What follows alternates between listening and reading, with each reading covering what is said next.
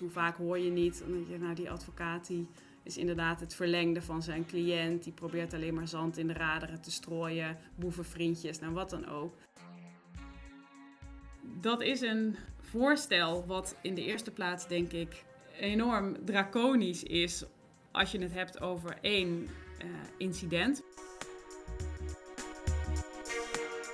Dit is de Leiden Lawcast met mij, Hamza Dupré en mijn co-host Irem Chaka.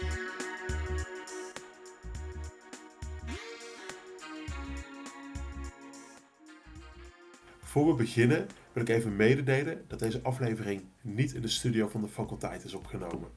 Door de lockdown, die op zondag 19 december van kracht is gegaan, zijn we genoodzaakt de podcast vanuit huis op te nemen. Niettemin denken wij dat het een zeer interessante aflevering wordt. De gast van vandaag is Marianne Logs en met haar gaan we spreken over de veranderende rol van de strafrechtadvocaat. Welkom Marianne. Zou jij om te beginnen jezelf misschien even kort willen voorstellen? Zeker. Uh, dankjewel Irem en Hamza voor de introductie en voor de uitnodiging. Ik vind het ontzettend leuk om uh, in jullie tweede aflevering uh, met jullie in gesprek te mogen gaan. mijn naam is Marianne Logstus. Ik ben werkzaam als universitair docent um, bij het Instituut voor Strafrecht en Criminologie aan de Universiteit Leiden. Ik verzorg in dat kader het onderwijs in de master en ook in de bachelor. En ik doe dat sinds uh, mei vorig jaar. En um, in mijn vorige leven ben ik uh, elf jaar lang strafrechtadvocaat geweest. Dus dat verklaart waarschijnlijk ook wel uh, het onderwerp van vandaag. Nou, superleuk. we hebben veel studenten als luisteraars en zij zullen, net als wij, benieuwd zijn naar jouw studententijd. Zou jij daar misschien wat meer over willen vertellen?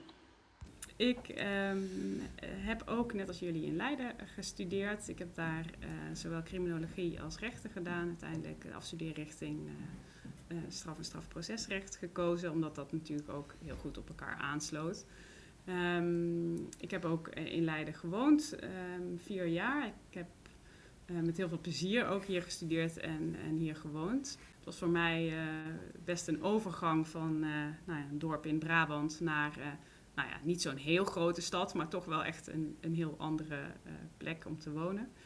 Um, en um, ja, ik heb dat eigenlijk, uh, ik heb, kijk er wel met heel veel plezier op terug. Ja, wat mooi. Nou, we hebben eigenlijk bijna hetzelfde verhaal. Criminologie en recht en leiding gestudeerd, strafrecht, allebei uit Brabants dorp. Dus uh, ja, ik voel me erg verwant.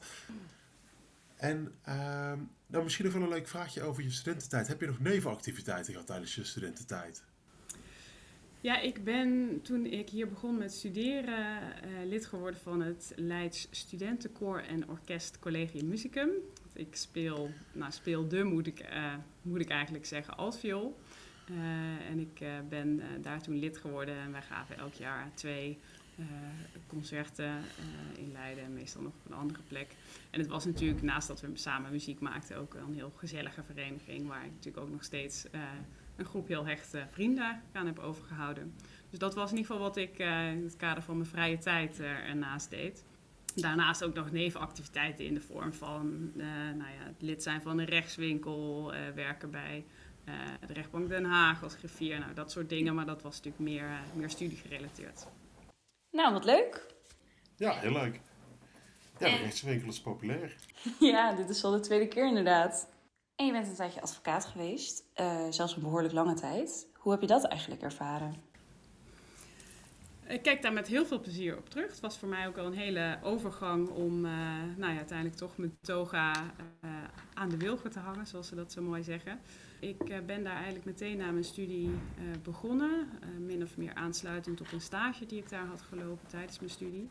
En ik denk dat ik daar ontzettend veel heb geleerd natuurlijk überhaupt gewoon over hoe het strafrecht in de praktijk werkt. Maar als advocaat ehm, moet je ook wel heel wat vaardigheden ontwikkelen in het kader van nou ja, het optreden ter zitting natuurlijk, het omgaan met andere procesdeelnemers, maar nou ja, misschien niet in de laatste plaats ook het omgaan met je cliënt, die toch vaak in een nou ja, wat penibele situatie zit en nou ja, waar heel veel belangen spelen, maar die tegelijk ook wel eens, uh, nou laten we het zo zeggen, wat onrealistische verwachtingen heeft van uh, wat je als advocaat voor hem kunt doen. Uh, dus die, nou ja, die balans tussen het enerzijds je volledig inzetten voor de belangen van zo'n verdachte en anderzijds ehm, ook die, die, nou ja, die afstand en die onafhankelijkheid behouden, dat is zeker als beginnend advocaat soms best een uitdaging. Ja. ja, dat kan me heel erg goed voorstellen. Want uh, nou, strafrechtadvocaat is een heel erg veel besproken beroep. Ook als we kijken, het is, ik ken weinig beroepen die zo overgepresenteerd zijn uh, in de media als een strafrechtadvocaat. In elke talkshow heeft er wel uh, één als vaste gast. En dat is in de media natuurlijk een groot ding, maar ook politiek gevoelig. ja, een heel politiek gevoelig beroep. En het is ook inderdaad wat, wat je zegt, er kleven ook best wel wat, wat soft skills aan, kan ik me voorstellen. En ook niet in de laatste plaats, omdat je als strafrechtadvocaat eigenlijk aan de zijde ook van de verdachte staat in zekere zin. En nou ja, de media probeert ook nog wel eens een beeld te scheppen dat de strafrechtadvocaat ook nou, misschien het verlengde is uh, van, uh, van de advocaat, of uh, excuus, van de verdachte. en ook wel eens ja, het beeld van boevenvriend wordt geschetst, of hoe kan je nou iemand bijstaan die iets, iets vreselijks heeft gepleegd. En uh, ook over dat soort spanningen, daar, is natuurlijk heel veel over geschreven. Je, je, hebt zelf ook wel eens geschreven over die veranderingen in die rol die daarin uh, in worden gevonden. Zou je daar misschien wat meer over kunnen vertellen?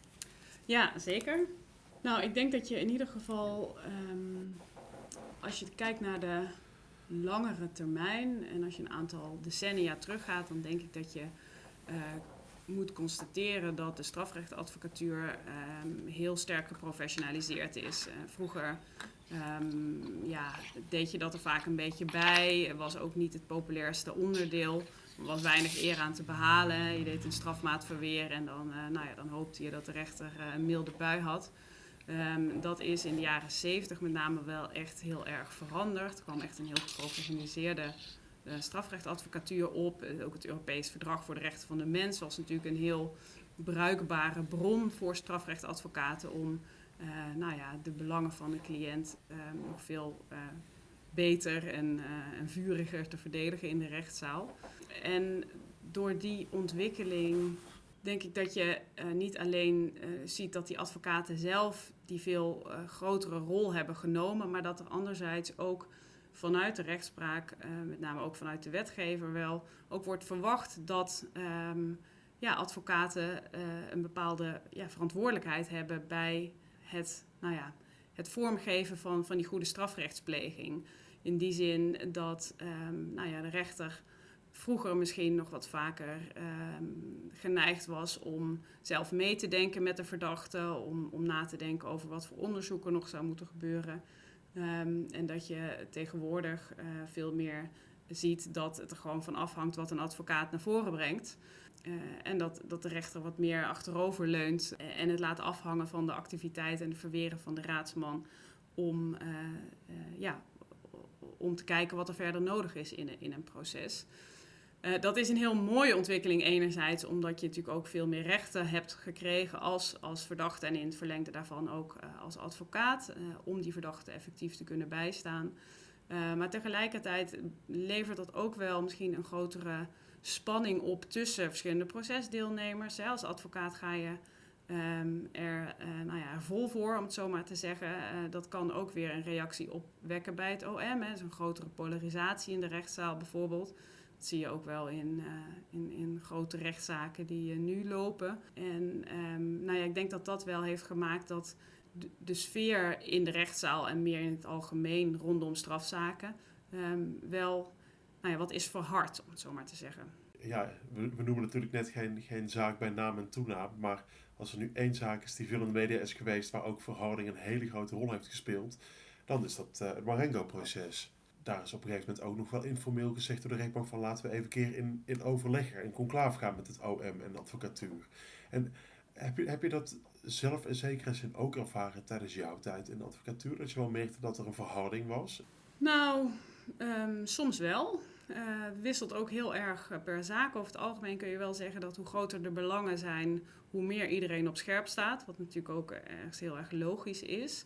Ik denk dat over het algemeen um, veel rechters, veel officieren van justitie en veel nou ja, professionele betrokkenen in de strafrechtspleging heel goed weten wat de rolverdeling is, wat je taak is als advocaat. En om dat nou ja, ook voor deze podcast nog maar eens even uh, duidelijk en op scherp te stellen. Um, we hebben eigenlijk allemaal met elkaar afgesproken dat je als advocaat niet het algemeen belang dient, maar dat jij uitsluitend de belangen van je cliënt dient. Uh, dus je hebt een volstrekt partijdige rol. Uh, anders dan de rechter uiteraard, maar ook anders dan de officier van justitie, die veel meer ook natuurlijk de belangen van de samenleving, van het slachtoffer, maar ook die van de verdachte moet meewegen. Uh, en die, die volstrekt partijdige rol, die um, is over het algemeen niet zo heel erg problematisch, wordt niet als zo heel problematisch gezien door professionele procesdeelnemers, meestal. Maar in de samenleving is het natuurlijk best wel wat onbegrip voor soms. Hoe vaak hoor je niet dat je, nou, die advocaat die is inderdaad het verlengde van zijn cliënt. Die probeert alleen maar zand in de raderen te strooien, boevenvriendjes, nou wat dan ook. En daarbij wordt denk ik vaak miskend dat het volstrekt partijdig bijstaan van een verdachte, dat dat ook de essentie is van de taak van een strafrechtadvocaat. Waarmee ik niet gezegd wil hebben dat dus alles mag, uh, want er zijn zeker grenzen, er zijn tuchtrechtelijke grenzen um, en, en, strafrechtelijke grenzen als je het echt heel bond zou maken. Um, dus die, eh, nou ja, die, uh, die spanning die, die is er zeker, maar mijn ervaring is wel dat het in heel veel strafzaken um, niet zo erg op scherp staat als in sommige zaken die je dan ook veel in de media ziet. Nou, je noemt inderdaad een paar uh, hele interessante dingen. En misschien is het ook wel interessant om even voor onze luisteraars die misschien iets minder juridisch onderlegd zijn of iets minder strafrechtelijk onderlegd zijn, een, uh, een kort stukje achtergrondinformatie te geven over hoe wij het Nederlandse strafproces hebben ingericht en hoe de advocaat en de officier en de rechter zich tot elkaar verhouden. Zou je dat willen doen? Zeker, heel graag.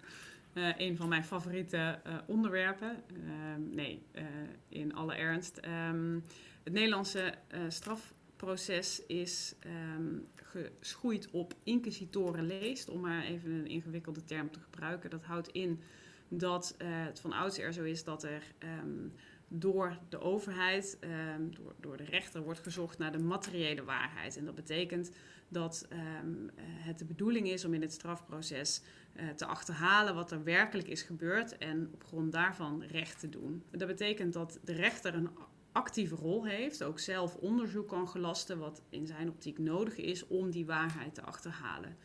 Nou ja, de herkomst van die inquisitoren procestraditie um, heeft nog wel een wat, uh, nou, laten we zeggen, een wat bloederig randje, omdat het eigenlijk voorkomt uit de Spaanse Inquisitie, hè, waar natuurlijk ook door de overheid werd gezocht naar de waarheid, maar vaak wel op behoorlijk um, nou ja, gewelddadige wijze. Um, tegenwoordig is dat natuurlijk uh, uh, absoluut niet meer aan de orde, maar het idee dat de overheid, dat de rechter op zoek is naar de materiële waarheid, dat zien we wel nog steeds terug. Um, en de officier van justitie heeft daarbij um, de taak om het opsporingsonderzoek te leiden. Is niet uh, volstrekt partijdig, maar dient de belangen van de samenleving, het belang van het slachtoffer, maar moet ook rekening houden met de belangen van de verdachte. En moet bijvoorbeeld dus ook ontlastende informatie die in het kader van een opsporingsonderzoek naar boven komt, die toevoegen aan, um, nou ja, aan het strafdossier en inbrengen in het strafproces. En de verdachte heeft dus van oudsher een heel passieve rol, die is uh, subject van dat onderzoek dat wordt verricht om die waarheid te achterhalen. Had in vroeger tijden ook heel weinig rechten eigenlijk. Dus dat onderzoek maar een beetje gelaten ondergaan. Tegenwoordig is het zo dat ook nou ja, onder invloed van onder andere het Europees Verdrag voor de Rechten van de Mens, de verdachte en zijn advocaat veel meer rechten hebben om um, nou ja, ook uh, zelf bij te dragen aan dat proces, om een eigen visie naar voren te brengen, om een verdediging uh, te voeren. Dus dat is denk ik uh, op, hoog, op hoofdlijnen hoe, hoe ons Nederlands proces eruit ziet. Om daar nog heel kort uh, aan toe te voegen om volledig te zijn. Wat we natuurlijk ook zien de laatste jaren is dat er een procesdeelnemer bij is gekomen die vroeger eigenlijk geen rol speelde en dat is het slachtoffer. Die heeft tegenwoordig natuurlijk een veel, veel prominentere rol, heeft ook rechten en bevoegdheden gekregen. En ook in nou ja, rechtszaken die in de media zijn, zien we slachtoffers natuurlijk veelvuldig ook um, ja, die rol um, invullen. Duidelijke uitleg, dank. Um, net zei je dat de rol van de strafrechtadvocaat zeer partijdig is en dat bij deze advocaat geen publieke taak ligt. Maar juist dit lijkt te veranderen in de maatschappij heden ten dagen. Het lijkt erop dat die verwachting juist wel bestaat. Um, of In ieder geval dat deze groeiende is. En er wordt zelfs aanstalten gemaakt om wettelijk een publiekrechtelijke rol bij de strafrechtadvocaat neer te leggen. Wat vind je daar dan van? Ja, je doelt denk ik op de, uh, nou, onder andere op de discussie over de publiekrechtelijke verantwoordelijkheid van de advocaat. Uh, dat is inderdaad een discussie die, die wel wordt gevoerd. En het klopt dat met die grotere rol en die grotere verantwoordelijkheid van de advocaat in zo'n strafproces, dat er ook aan de andere kant inderdaad meer verwachtingen zijn van de advocaat. En dat er dus ook veel meer dan vroeger ja, wordt gezegd van nou uh, je hebt ook een bepaalde verantwoordelijkheid om, om bij te dragen aan die goede strafrechtspleging. En om bijvoorbeeld, um, om daar een concrete grens bij te noemen, om geen misbruik te maken van procesrecht. Nou, dat is zo'n discussie waar ook uh, in het verleden al wel aandacht voor is geweest. En toen, um, nou ja, daar kan je natuurlijk verschillend over denken, maar toen was wel een beetje de conclusie van nou, als, advocaat ben je gewoon um, bijstandverlener van je verdachte. Je verdachte is een subject in het onderzoek, in het instrafrechtelijk onderzoek. En die heeft daarin rechten gekregen die hij mag uitoefenen. Uh, maar die kan niet per definitie eigenlijk niet misbruiken, omdat hij niet een actor is zoals, zoals de officier van justitie bijvoorbeeld. We hebben ook al decennia uh, geleden aanvaard dat de officier van justitie wel gebonden is aan beginselen van een behoorlijke procesorde. Uh, en nou ja, van een verdachte kun je zeggen, die is als verdachte, als subject in het onderzoek uh, niet gebonden aan die beginselen. Dan kun je ook redeneren, nou dat geldt dan ook niet voor een advocaat, want die doet immers niet anders dan die verdachte op een partijdige manier bijstaan.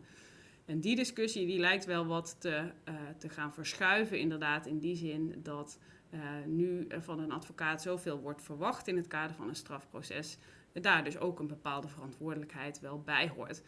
Um, daarbij moet ik wel zeggen, het is niet zo dat daar een heel duidelijke knoop over is doorgehakt. Hè, of dat door de wetgever is gezegd, de advocaat heeft nu ook een publiekrechtelijke verantwoordelijkheid.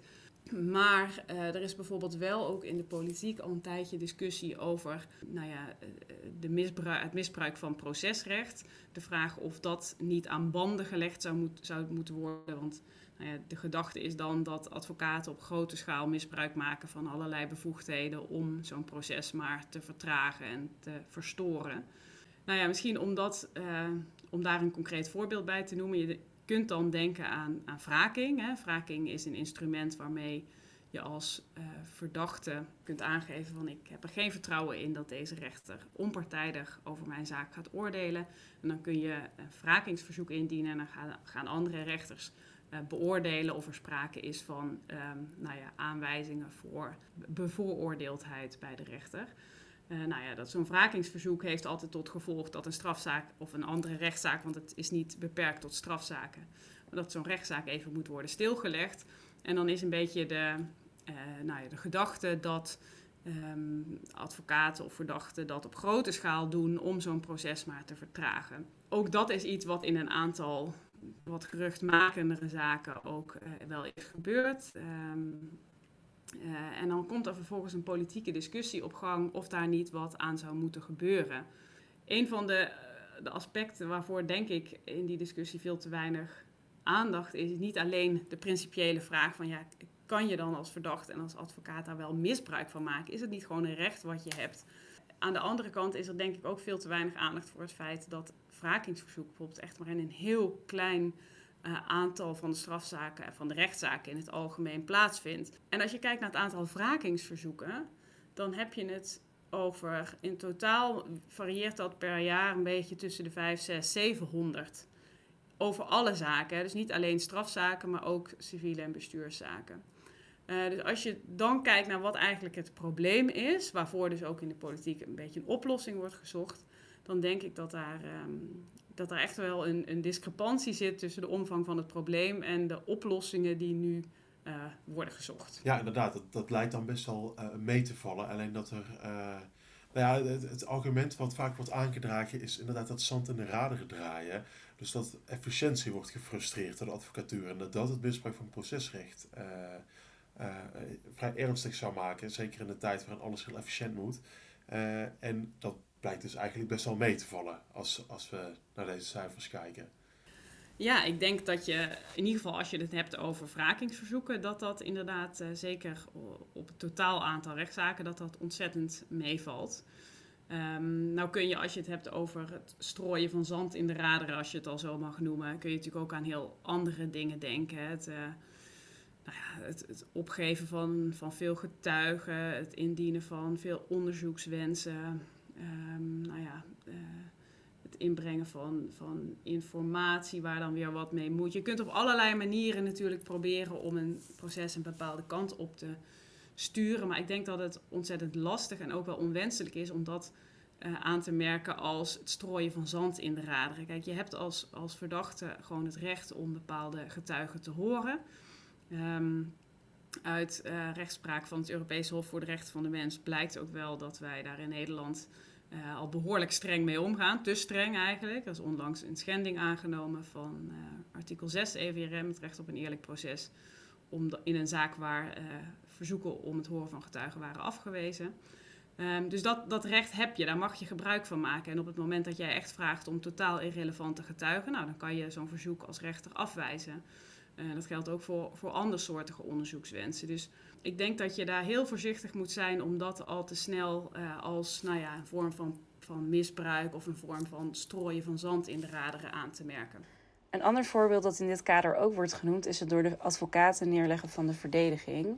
En um, ja, we hebben het Marengo-proces al eerder aangehaald in deze aflevering. En als we naar dit proces kijken, dan zien we dat dit ook uh, daarin is gebeurd. De advocaten Christian Vlokstra, ook co-host van de podcast Napleiten, en advocaat Nico Meijering hebben afgelopen februari de verdediging neergelegd van verdachte Said R. En nu weet ik van dit specifieke geval de redenen van de advocaten niet. Maar um, van het neerleggen van de verdediging wordt in het, over het algemeen gezegd dat dit het strafproces enorm frustreert. En dat wordt ook wel het lamleggen van het strafproces genoemd. Um, wat vind jij daarvan? Vind je dit ook? Of uh, zie je dit juist ook als een recht van de verdediging? Of in ieder geval een recht van de advocaat die de belangen van zijn cliënt tracht te behartigen? Ja, het neerleggen van de verdediging is inderdaad zo'n ander heikel punt, wat, um, wat wel eens wat stof doet opwaaien uh, in, in uh, geruchtmakende zaken. Omdat het inderdaad ook tot gevolg heeft dat zo'n proces op dat moment geen doorgang, geen verdere doorgang kan vinden. Dat neerleggen van de verdediging, dat is eigenlijk een beetje een vreemde eend in de bijt. In die zin dat het natuurlijk niet een bepaald recht is van een verdachte wat hij kan gebruiken of misbruiken.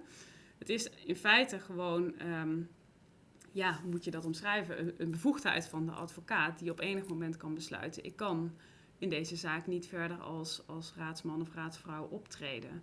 En daar kunnen um, heel veel redenen aan ten grondslag liggen. Hè. Heel vaak is het gewoon zo met die zaken, die halen natuurlijk allemaal de media niet. Dat je uh, uh, geen contact meer kunt krijgen met je cliënt, de rekening niet wordt betaald.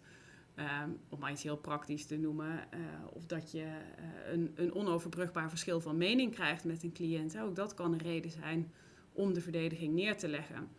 Um, dat zijn redenen die natuurlijk allemaal heel wat minder um, opzienbare. Want het zijn, nou ja, goed, daar, kun je van alles van vinden. Maar daar zit in ieder geval niet een strategie achter om een proces te vertragen of te verstoren.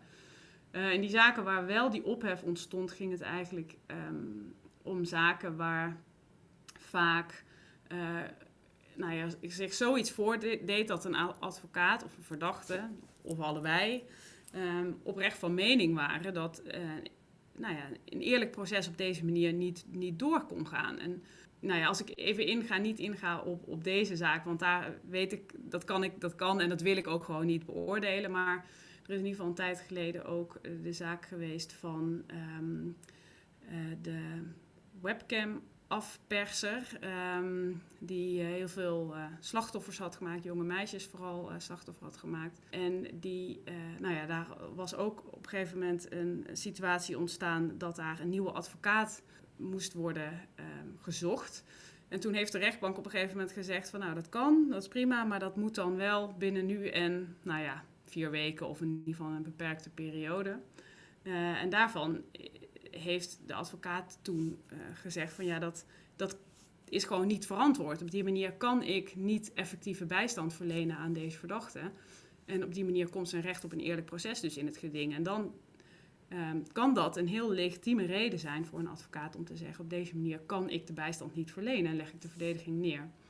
Dus ik denk dat het, eh, als je even in het algemeen kijkt, dat het heel lastig is om te zeggen: dit is een vorm van het lamleggen, het doelbewust lamleggen van het proces, omdat ik denk dat er in heel veel gevallen um, oprechte zorgen over de waarborging van een eerlijk proces aan de grondslag liggen. Ja, ja, duidelijk. Ja. De advocaat legt dus vaak de verdediging neer vanwege grote zorgen. Um, en wat je zegt, dat zijn zorgen over de rechten van de verdachte of over het verloop van het strafproces. Maar heeft dit neerleggen dan ook enig effect? Um, zien we uh, met het neerleggen de resultaten die de advocaat uh, van de verdediging zou willen behalen? Ja, dat is een uh, interessante, maar ook wel een lastige vraag um, om te beantwoorden. Kijk, het is natuurlijk zo dat de redenen om die verdediging neer te leggen, die kunnen heel uiteenlopend zijn. En ook de doelen die een advocaat daar dan uh, eventueel mee beoogt, die, die zijn niet heel makkelijk uh, te duiden, denk ik, of, of over één kam te scheren. Maar als je het hebt over die zorgen over dat recht op, een eerlijk proces, um, dan is het in ieder geval wel zo dat, um, uh, ja, dat, dat de rechter wel iets moet met um, zo'n zaak waarin de verdediging wordt neergelegd. En um, het is zo dat een verdachte heeft het recht om zichzelf te verdedigen. Dus die hoeft niet de bijstand van een advocaat uh, te hebben.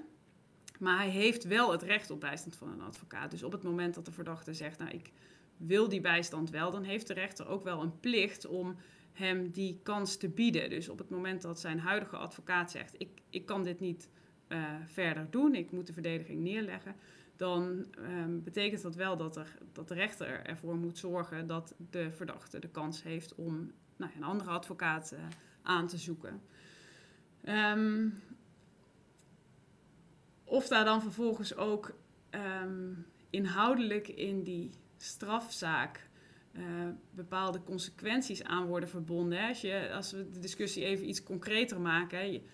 In het verleden ook wel eens gezien dat de verdediging werd neergelegd omdat bepaalde onderzoekswensen maar niet werden ingewilligd. En omdat de verdediging zei, maar ja, daar, bij die stand van zaken kan ik gewoon de verdediging niet op een effectieve manier voeren ja, dan, dan betekent natuurlijk niet automatisch het neerleggen van de verdediging dat de rechter in een later stadium wel die onderzoekswensen gaat toewijzen. Um, aan de andere kant kan het wel een heel duidelijk signaal zijn voor een rechtbank dat het, um, ja, dat uh, daar wel misschien dat, dat daar wel iets mee moet. Um, dat het misschien toch goed is om nog eens goed te kijken naar, um, naar die verzoeken, om eens goed te kijken naar de manier waarop de wensen van de verdediging wel, um, nou ja, voor zover mogelijk dan ingewilligd kunnen worden. Dus het is, het is niet een eenduidig antwoord te geven of dat dan meteen betekent dat de rechtszaak een andere wending uh, gaat krijgen. Maar je kunt je ook afvragen of ja, het neerleggen van de verdediging per se gebeurt met zo'n met het doel, ik ga de rechter dwingen om mij alsnog gelijk te geven op dit punt. Hè. Het kan ook echt zijn ik kan dit niet meer verantwoorden. Ik kan deze verdediging niet op een goede manier voeren. En dus kan ik nu niet anders dan het neerleggen zonder daar meteen de bedoeling mee te hebben. Want ik wil de rechter dwingen om dit en dit zo te doen. Nou, misschien even een stukje teruggrijpend op dat verhaal uh, inquisitor-proces uh, wat we in Nederland hebben.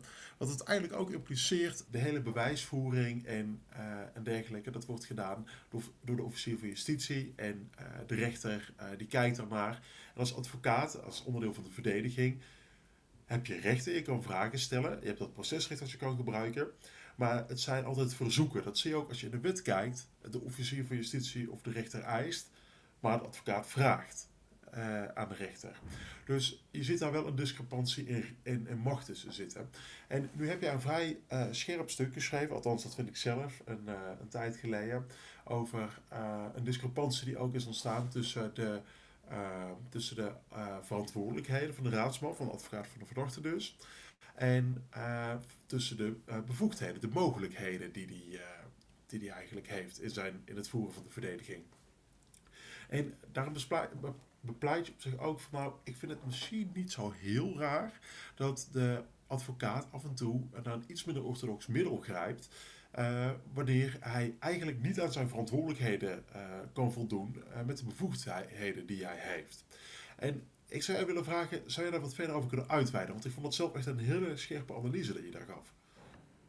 Nou, dankjewel Hans, Hans allereerst. Um, ik um, wil er zeker wel wat meer over zeggen, want het is een van de punten waar ik ook wel, um, nou, waar ik ook wel wat zorgen over heb. wat je ziet, denk ik in het algemeen, is dat je niet alleen die toegenomen verantwoordelijkheden hebt voor de, voor de raadsman, waar we het al over hadden eerder, maar dat je ook tegelijk ziet dat de mogelijkheden en de middelen, waaronder de financiële middelen die aan advocaten worden um, toegekend, dat die daar echt op achterblijven. Um, misschien goed om um, te beginnen met uh, de wellicht ook bij de luisteraars levende misvatting uit de wereld te helpen dat strafrechtadvocaten op grote schaal cliënten bijstaan die uh, enorme uurbedragen kunnen betalen. Die zijn er zeker. Um, maar het overgrote merendeel van de strafzaken um, gebeurt op toevoeging, zoals dat heet. Dat betekent dat de staat nou ja, instaat voor de gefinancierde bijstand. Uh, en dat is uh, in het algemeen geen vetpot. Daar kun je bijstand voor verlenen, maar daar heb je echt be beperkte middelen tot je beschikking. Dus enerzijds is de tijd vanwege het geld wat je krijgt voor een strafzaak is beperkt. Um, daar uh, zijn in het verleden ook al meerdere onderzoeken naar gedaan hè, door commissies die dan door de regering werden ingesteld. Conclusie was eigenlijk steeds dat stelsel van gefinancierde bijstand dat moet op de schop, dat zit niet goed in elkaar. Er wordt structureel te veel gewerkt voor te weinig geld. Maar tot nog toe heeft dat niet geleid tot een aanpassing van dat stelsel en voor een betere, uh, nou ja, betere betaling eigenlijk van, um, van advocaten. Doet mij ook meteen, en dat haal ik volgens mij in dat stuk uh, ook aan, denken aan de uitspraak van um, voormalig staatssecretaris Teven, die op enig moment in ieder geval zou hebben gezegd. Maar ja, die advocaten, nou, die, die zijn eigenlijk allemaal maar lastig. Dat vat ik even in mijn eigen woorden samen. Um, maar als je dan niet al te veel geld geeft, dan wordt het ook niet zoveel met die verdediging. Nou ja, er is later nog wel wat discussie over geweest of hij dat nou zo op die manier had gezegd of niet. Um, maar het past voor mij wel heel erg in het, in het beeld wat je ziet. Um, dat er in ieder geval heel weinig bereidheid is om te kijken naar een, uh, een betere financiering van uh, en de advocatuur, en dan heb ik het eigenlijk niet alleen over de strafrechtadvocatuur, maar juist ook wel over nou ja, sociale advocatuur. Dus dat, dat is één kant van de medaille, die beperkte financiële middelen en daardoor de beperkte tijd. Aan de andere kant zie je ook dat, inderdaad, zoals je terecht zegt, um, advocaten en verdachten veel um, weinig eigen mogelijkheden hebben om onderzoek te laten doen eh, maar eigenlijk altijd afhankelijk zijn van de rechter of de officier van justitie om bepaalde verzoeken daartoe in te willigen. Uh, dus als jij getuigen wil horen, dan moet je onderbouwen waarom je dat wil. En dan kan de rechter daarin meegaan of niet. Als jij nader onderzoek wil, uh, dan moet je dat eveneens onderbouwen. En dan kun je dat krijgen of niet. Hangt af van hoe goed je dat kunt onderbouwen en wat het belang is. Het procesdossier wordt samengesteld door de officier van justitie. Die heeft natuurlijk de taak om daar ook ontlastende informatie in te voegen als die er is. Maar je hebt eigenlijk als verdachte en als advocaat heel weinig zicht op wat er eventueel nog meer loopt in het opsporingsonderzoek. Je weet niet wat je niet weet. Uh, dus je kunt bijvoorbeeld ook niet vragen om bepaalde informatie die je, uh, ja, waarvan je gewoon niet weet dat die er misschien wel is. En die wel van belang zou kunnen zijn voor je cliënt. Dus dat betekent dat je zowel um, qua, um, nou ja, qua informatie die je krijgt vanuit het OM eigenlijk uh, afhankelijk bent van wat er in zo'n procesdossier staat, als ook in de verzoeken die je dan vervolgens zelf wil doen. Ook dan ben je weer afhankelijk van de OM of de, of de rechter om die verzoeken ingewilligd uh, te krijgen. Dus dat betekent dat je, uh, dat je eigenlijk weinig mo mogelijkheden zelf hebt als verdachte of als advocaat om um, nou ja, dat, dat onderzoek op een bepaalde, uh, een bepaalde richting in te sturen. Uh, dat is bijvoorbeeld heel anders dan hoe het in het, in het adversariestelsels of accusatorenstelsels. Dat is eigenlijk de tegenhanger van dat inquisitorenstelsel wat wij hebben. Uh, om dat heel kort eventjes uit te leggen, daar heb je eigenlijk echt twee partijen die tegenover elkaar staan. Een partijdige aanklager, een, een verdachte en een advocaat. En de rechter die hoort die twee partijen aan en die is zelf niet actief, maar die neemt uiteindelijk een beslissing op basis van, die, um, nou ja, van wat die partijen naar voren brengen. En het grote verschil daarbij is dat je dus ook als verdediging daar meer mogelijkheden hebt om zelfstandig onderzoek te laten doen om zelfstandig getuigen te benaderen, om zelfstandig deskundigen in te schakelen die bepaalde, ehm, bepaalde informatie kunnen leveren die van belang voor jou kan zijn. En om vervolgens die informatie ook zelf uh, aan de rechter te presenteren. Dus dat is een heel ander systeem.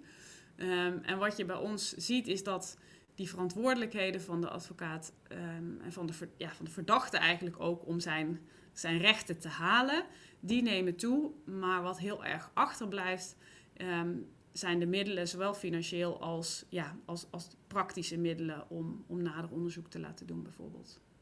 Ja, um, je benoemde net de woorden van Teven. En je ziet dat sentiment eigenlijk ook veel terug in de samenleving. Uh, de advocaat wordt vooral gezien als heel lastig, de strafrechtadvocaat dan. En uh, we geven er veel te veel geld aan uit. En dat wil de samenleving eigenlijk liever niet. Terwijl de realiteit ook is dat strafrechtadvocaten nu al erg beperkte vergoedingen krijgen. Um, tegelijkertijd zien we een ontwikkeling waarbij de verdachte in een strafproces steeds meer verantwoordelijkheden krijgt. En daarmee wordt het ontzettend belangrijk om een goede advocaat in de arm te nemen. Ook al moet deze advocaat dus meer gedaan krijgen voor de beperkte vergoeding die hij krijgt. Um, we kunnen daarmee wel stellen dat er sprake is van een wezenlijke disbalans tussen de verwachtingen aan de zijde van de verdediging en wat we daarvoor over hebben uitgedrukt in geld. En daar heb je ook eerder over geschreven. Waar ik dan vooral benieuwd naar ben, is wat je er eigenlijk van vindt uh, dat de verdediging steeds meer verantwoordelijkheden krijgt. De verdachte moet echt ja, vechten voor zijn eigen verdediging. En de van oudsher actieve strafrechter is niet meer zo geheel actief. En het is dus ook veel minder vanzelfsprekend dat deze opkomt voor de belangen van de verdachte. Ja, interessante vraag. Um, wat ik denk ik um, vooral, wat denk ik vooral belangrijk is, is dat um, er een bepaalde balans is. zoals ik net al zei, je hebt gewoon twee soorten systemen: het adversaire en het inquisitorensysteem. Overigens, misschien nog even goed om te, om te noemen, dat in de praktijk zijn bijna alle rechtssystemen wel een beetje gemengd. Hè. We hebben ook adversaire elementen in ons systeem en andersom geldt dat ook. Um, maar wat ik denk dat belangrijk is, is dat um, je een bepaalde balans behoudt. En op zichzelf um, voel ik best wel sympathie, om het zo maar te zeggen, voor een systeem waarbij een verdachte en een verdediging ook veel verantwoordelijkheden hebben. Dat je dus echt zegt van nou, eh, die, eh, we laten dat onderzoek aan twee partijen, aan een aanklager en aan een verdediging.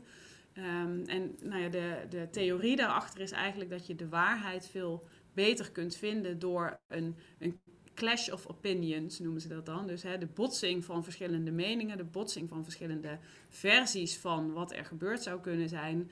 Daaruit komt die waarheid het beste naar voren. Dat is een beetje de filosofie die achter het adversaire systeem uh, ligt.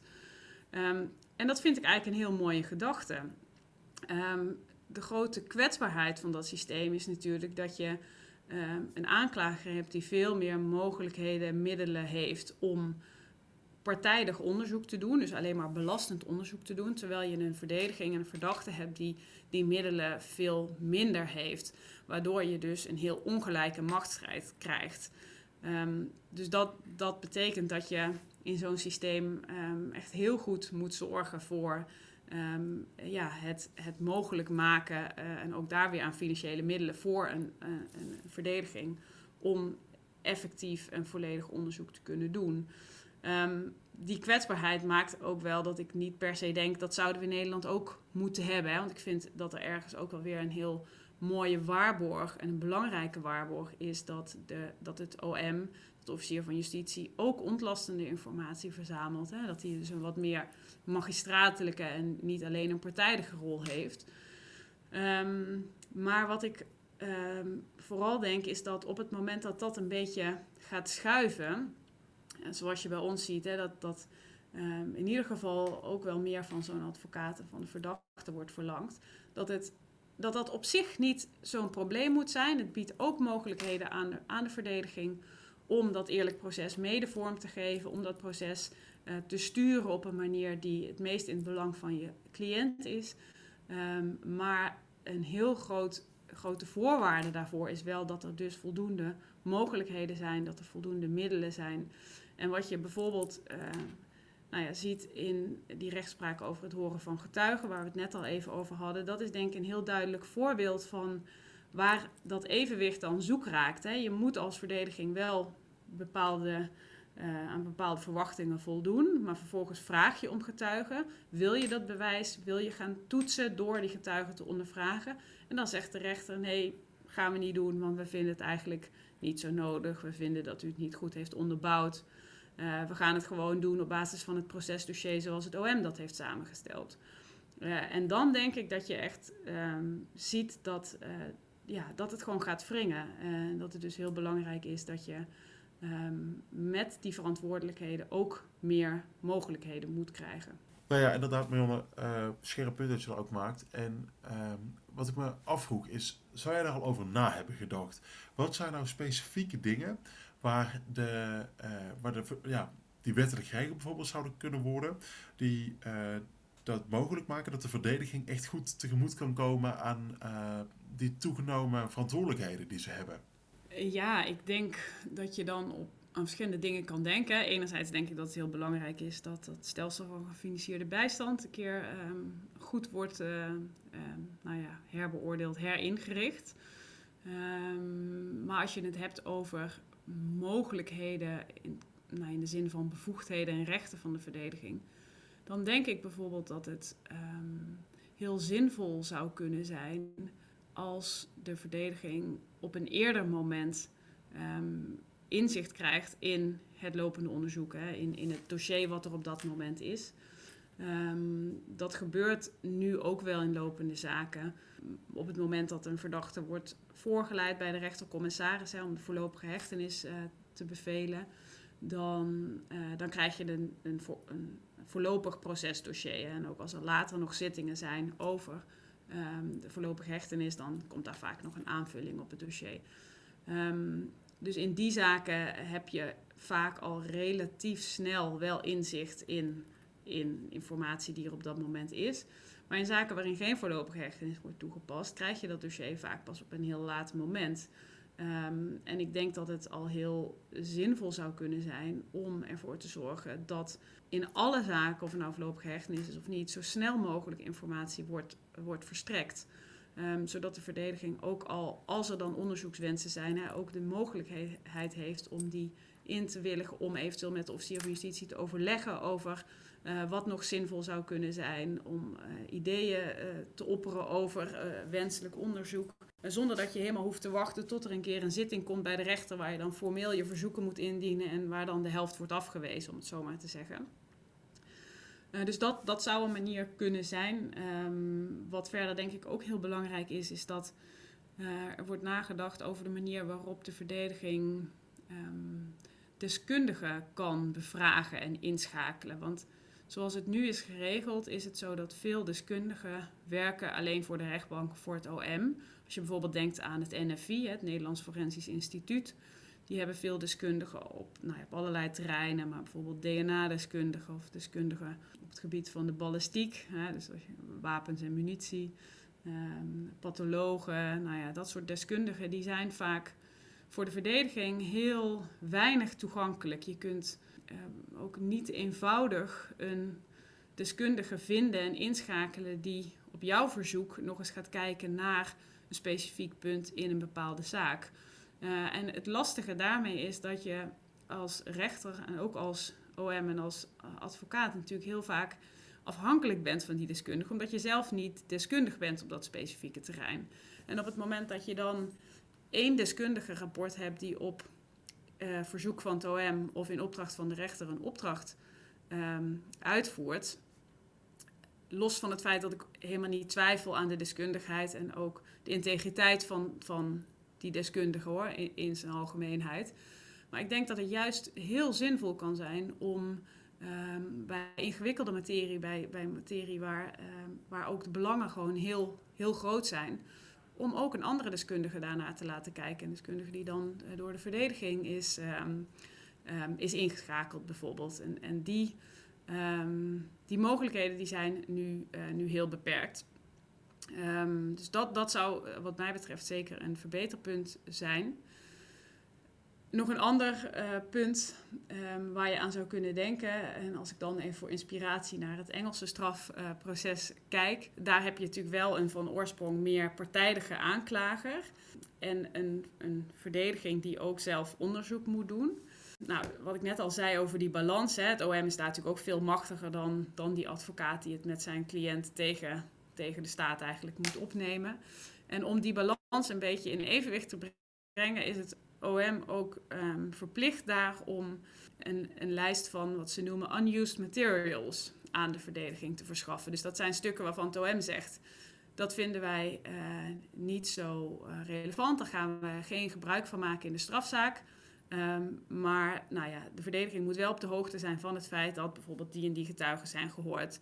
Dat, dat die en die informatie in het dossier zit, maar nou ja, daar gaat, daar gaat de aanklager niets mee doen dat biedt natuurlijk wel echt een mogelijkheid voor die verdediging om vervolgens te kijken: hé, hey, maar die getuige is niet gehoord, die zou misschien wel interessant kunnen zijn. En wat je in Nederland ziet is dat omdat het OM ook dat procesdossier samenstelt, uh, dat je vaak, wat ik net al zei, hè, dat je niet weet wat je niet weet. Dus um, dingen die niet in het procesdossier terechtkomen, die kunnen eventueel voor je cliënt zeker wel van belang zijn. Um, dus ik denk dat daar, een, um, nou ja, dat daar wel mogelijkheden zijn om uh, om, om de verdediging op die manier meer handvatten te geven om eigen onderzoek ja, te laten doen of in ieder geval daarom uh, te verzoeken, zoals dat dan in ons systeem werkt. Ik denk dat we moeten afronden, maar ik wil je nog graag een laatste vraag stellen, Marianne.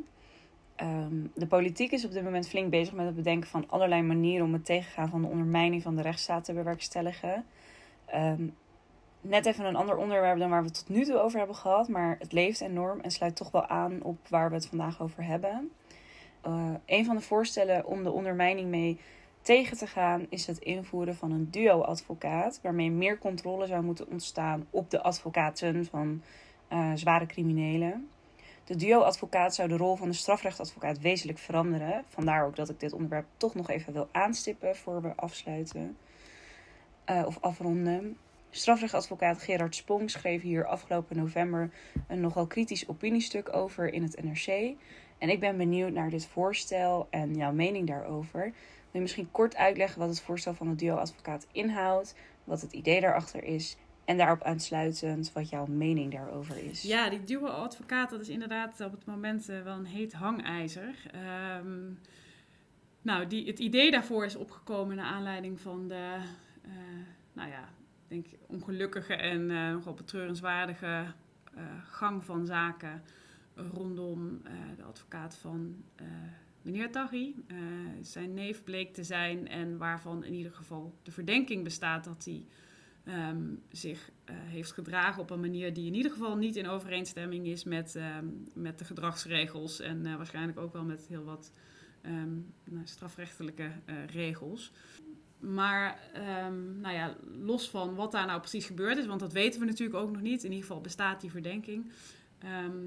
Heeft uh, onze uh, minister van Rechtsbescherming uh, het idee geopperd dat om dit soort dingen te voorkomen, dat je in bepaalde zaken niet meer één raadsman zou moeten hebben, maar dat het er altijd twee zouden moeten zijn. En nou, de gedachte daarachter is dan dat um, die tweede raadsman een soort oogje in het cel kan houden. Hè, dat, dat er niet um, nou ja, een situatie ontstaat waarbij de andere raadsman nou ja, over de schreef gaat en uh, nou ja, het tuchtrecht of, of het strafrecht wellicht uh, um, uh, over, overschrijdt. Dat is een voorstel wat in de eerste plaats, denk ik, enorm draconisch is als je het hebt over één incident, wat niet ja, ik, bedoel, ik wil niet afdoen aan, aan de ernst van het incident als het zo is gebeurd zoals het in de media naar voren is gekomen.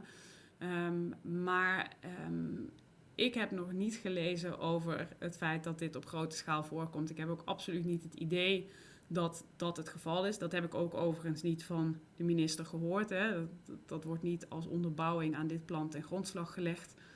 Um, maar toch komt dan, komt dan dit plan. En ik denk dat het niet, dus alleen, niet alleen dus een soort van symboolpolitiek is naar aanleiding van een incident, incidentenpolitiek, hoe je het ook wil noemen.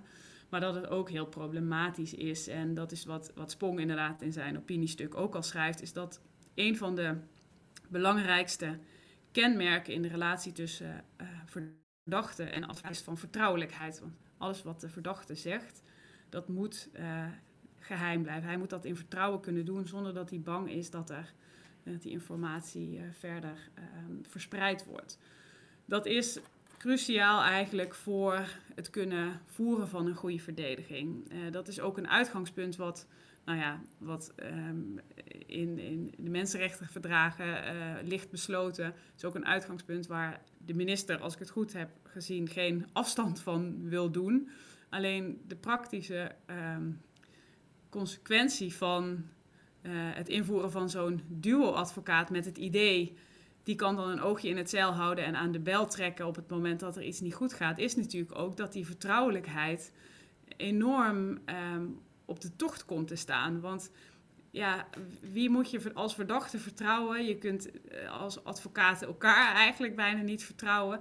Bij wie zou je die informatie uh, over dat er iets niet goed gaat in die communicatie tussen verdachte en, en advocaat, waar, waar zou je dat dan moeten melden? Moet je dan uh, bij de deken zijn, hè, de toezichthouder van de advocaten, of moet je naar het OM, moet je naar de rechter. Er zijn denk ik um, ontzettend veel uh, uh, principiële bezwaren tegen te bedenken. Nog los van, van het feit dat er natuurlijk ook nog allerlei praktisch gedoe aan zit. Want nou ja, ik bedoel, als we het net al hebben over de beperkte financiële middelen voor de advocatuur en dergelijke, um, dan nou ja, dan betekent het dat je natuurlijk hier nog een extra advocaat op moet. Ja, het, het is, um, het is denk ik in alle opzichten een uh, behoorlijk ongelukkig plan. Ik ben heel benieuwd hoe het, uh, hoe het ermee verder zal gaan. Maar wat mij betreft is het zeker niet iets wat, uh, wat zou moeten worden ingevoerd. Ja, ik vraag me ook af in hoeverre het überhaupt zou werken. Omdat de gedachte is dat het probleem bij de vertrouwelijkheid van de advocaat zou kunnen zitten. En tegelijkertijd houdt het plan in dat er dan twee advocaten op worden gezet. Als de advocaat al zo problematisch zou zijn, dan vraag ik me af of je het probleem met twee advocaten ineens kan oplossen als dit probleem al zou bestaan. Ja, nou ja, je zou natuurlijk ook kunnen denken, wat, uh, wat is dan de garantie dat je er twee op zet? Hè? Daar, heb, daar heb je twee boevenvriendjes uh, uh, erbij, hè? als je het even in, in die termen wil framen. Nou ja, nogmaals, ik denk dat het duidelijk zal zijn, maar ik, ik denk dat de kwalificatie boevenvriendje, dat dat absoluut geen recht doet aan het werk wat... Um, het over overgrote merendeel van strafrechtadvocaten doet. En ik denk dus ook dat ook dit wetsvoorstel weinig blijk geeft van inzicht in de manier waarop het over overgrote merendeel van de strafrechtadvocatuur werkt. Uh, nou, uh, ik denk dat we een beetje naar een afsluiting uh, moeten gaan toewerken. Ik ben in ieder geval heel erg blij met dat je onze gast wilde zijn. Ik, ik, vind het echt een hele interessante aflevering. Irem en ik, nou, volgens mij kunnen wij hier nog uren over doorkletsen. Ja, dat denk ik ook. Ja, ook te beseffen, Marianne was onze werkgroepdocent de afgelopen tien weken. En alsnog uh, zijn we uh, niet uitgepraat met haar. Dus uh, dat is denk ik ook wel iets.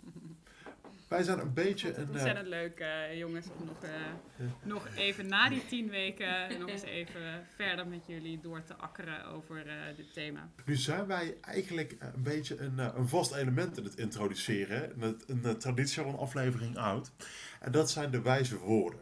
En Marianne, zou jij nog wijze woorden hebben voor... Nou, je mag het aan iedereen adresseren, het mag over alles gaan. Maar zou jij nog een paar wijze woorden voor ons hebben? Nou, wijze woorden, um, dat, uh, dat is nogal wat, wat je daar vraagt. Um, als ik zo denk aan... Uh, als je denkt aan de kerstperiode, zo'n periode waar je nou, waarden als uh, naaste liefde en zorg voor elkaar natuurlijk weer eens extra aandacht krijgen dan denk ik aan een uitspraak van niemand minder dan uh, Mahatma Gandhi. Die heeft ooit gezegd dat um, je de ehm, mate van beschaving van een samenleving kunt afmeten aan de wijze waarop ze omgaat met dieren. Dat was uh, de quote van, uh, van Gandhi. En daarmee bedoelde hij volgens mij te zeggen van ja, op het moment dat je ja, mededogen kunt hebben voor de allerzwakste in de samenleving, namelijk de dieren, die zichzelf eigenlijk uh, nou ja, niet of nauwelijks kunnen verdedigen tegen wat wij allemaal met ze doen. Um, als je dat kunt opbrengen, dan, dan kun je ook mededogen hebben voor de, voor de medemensen, voor je naasten.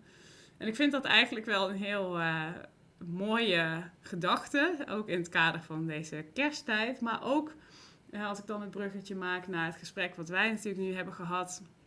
Uh, als je denkt aan die verdachte, um, je vergeet het wel eens in de hele grote, hele grote strafzaken. Als je het hebt over de ondermijnende criminaliteit en die nou ja, uh, dan, dan vergeet je nog wel eens dat in principe de verdachte natuurlijk wel degene is die zich als individu moet verweren tegen een best wel machtige overheid, hè, tegen een OM wat ontzettend veel middelen heeft. En in zoverre is hij per definitie de zwakkere, de zwakste eigenlijk in, in die context. Um, ik denk dat, dat dat nog wel eens wordt vergeten. Uh, in sommige zaken is het misschien ook makkelijker te zien dan in andere zaken. Maar ik denk wel dat dat iets heel belangrijks is om ons te blijven beseffen. Uh, en ik denk dus dat het ook, als ik dan ook naar die uitspraak kijk, heel goed is om kijken hoe gaan we dan om met die zwakkeren. In het algemeen uh, en nou ja, ook het individu in het strafproces in het bijzonder. Ja, heel erg mooi.